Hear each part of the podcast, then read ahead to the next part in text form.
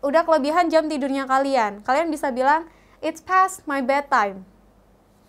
Selanjutnya ada I'm going to crash. Jangan lupa di like, comment, dan subscribe dan klik tombol lonceng di sini. Belajar bahasa Inggris Hanya di LC.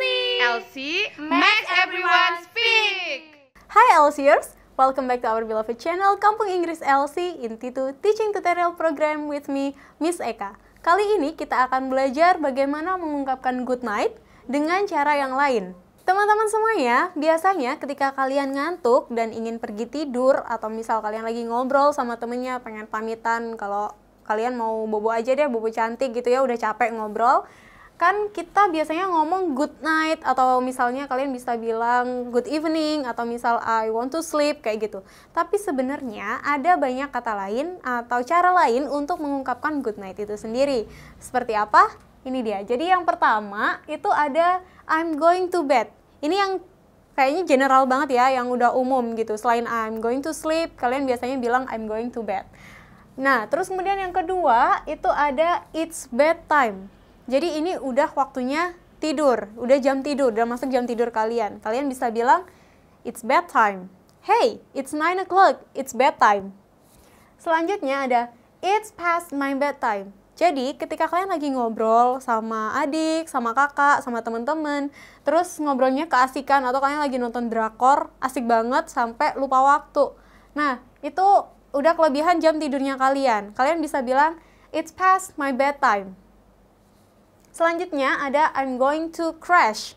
I'm going to crash sama dengan I'm going to hit the sack atau I'm going to hit the hay.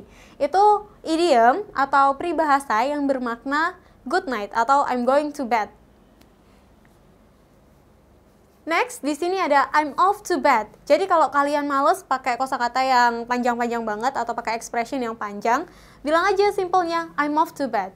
I'm so sleepy right now. I'm off to bed gitu ya. Jadi uh, kalau kalian pengen yang simple-simple bisa bilang I'm off to bed atau it's bedtime. Kalau kalian gak males buat ngomong yang lebih panjang expressionnya bisa bilang it's past my bedtime atau I'm going to crash atau yang lebih keren lagi kalian bisa bilang I'm going to hit the sack or I'm going to hit the hay gitu ya. Nah, tadi saya udah memberikan beberapa contoh tentang expression-expression ini. Sekarang waktunya kalian nih, buat satu contoh dari setiap expression yang ada, mulai dari yang nomor satu, I'm going to bed, sampai yang terakhir, I'm off to bed. Tulis di kolom komentar contoh kalian. Dan masih banyak lagi expression-expression yang bisa kita gunakan untuk menyatakan good night, good morning, good afternoon, dan lain sebagainya. Kalau kalian pengen tahu, langsung aja datang ke sini kita belajar bareng. Karena belajar bahasa Inggris cocoknya hanya di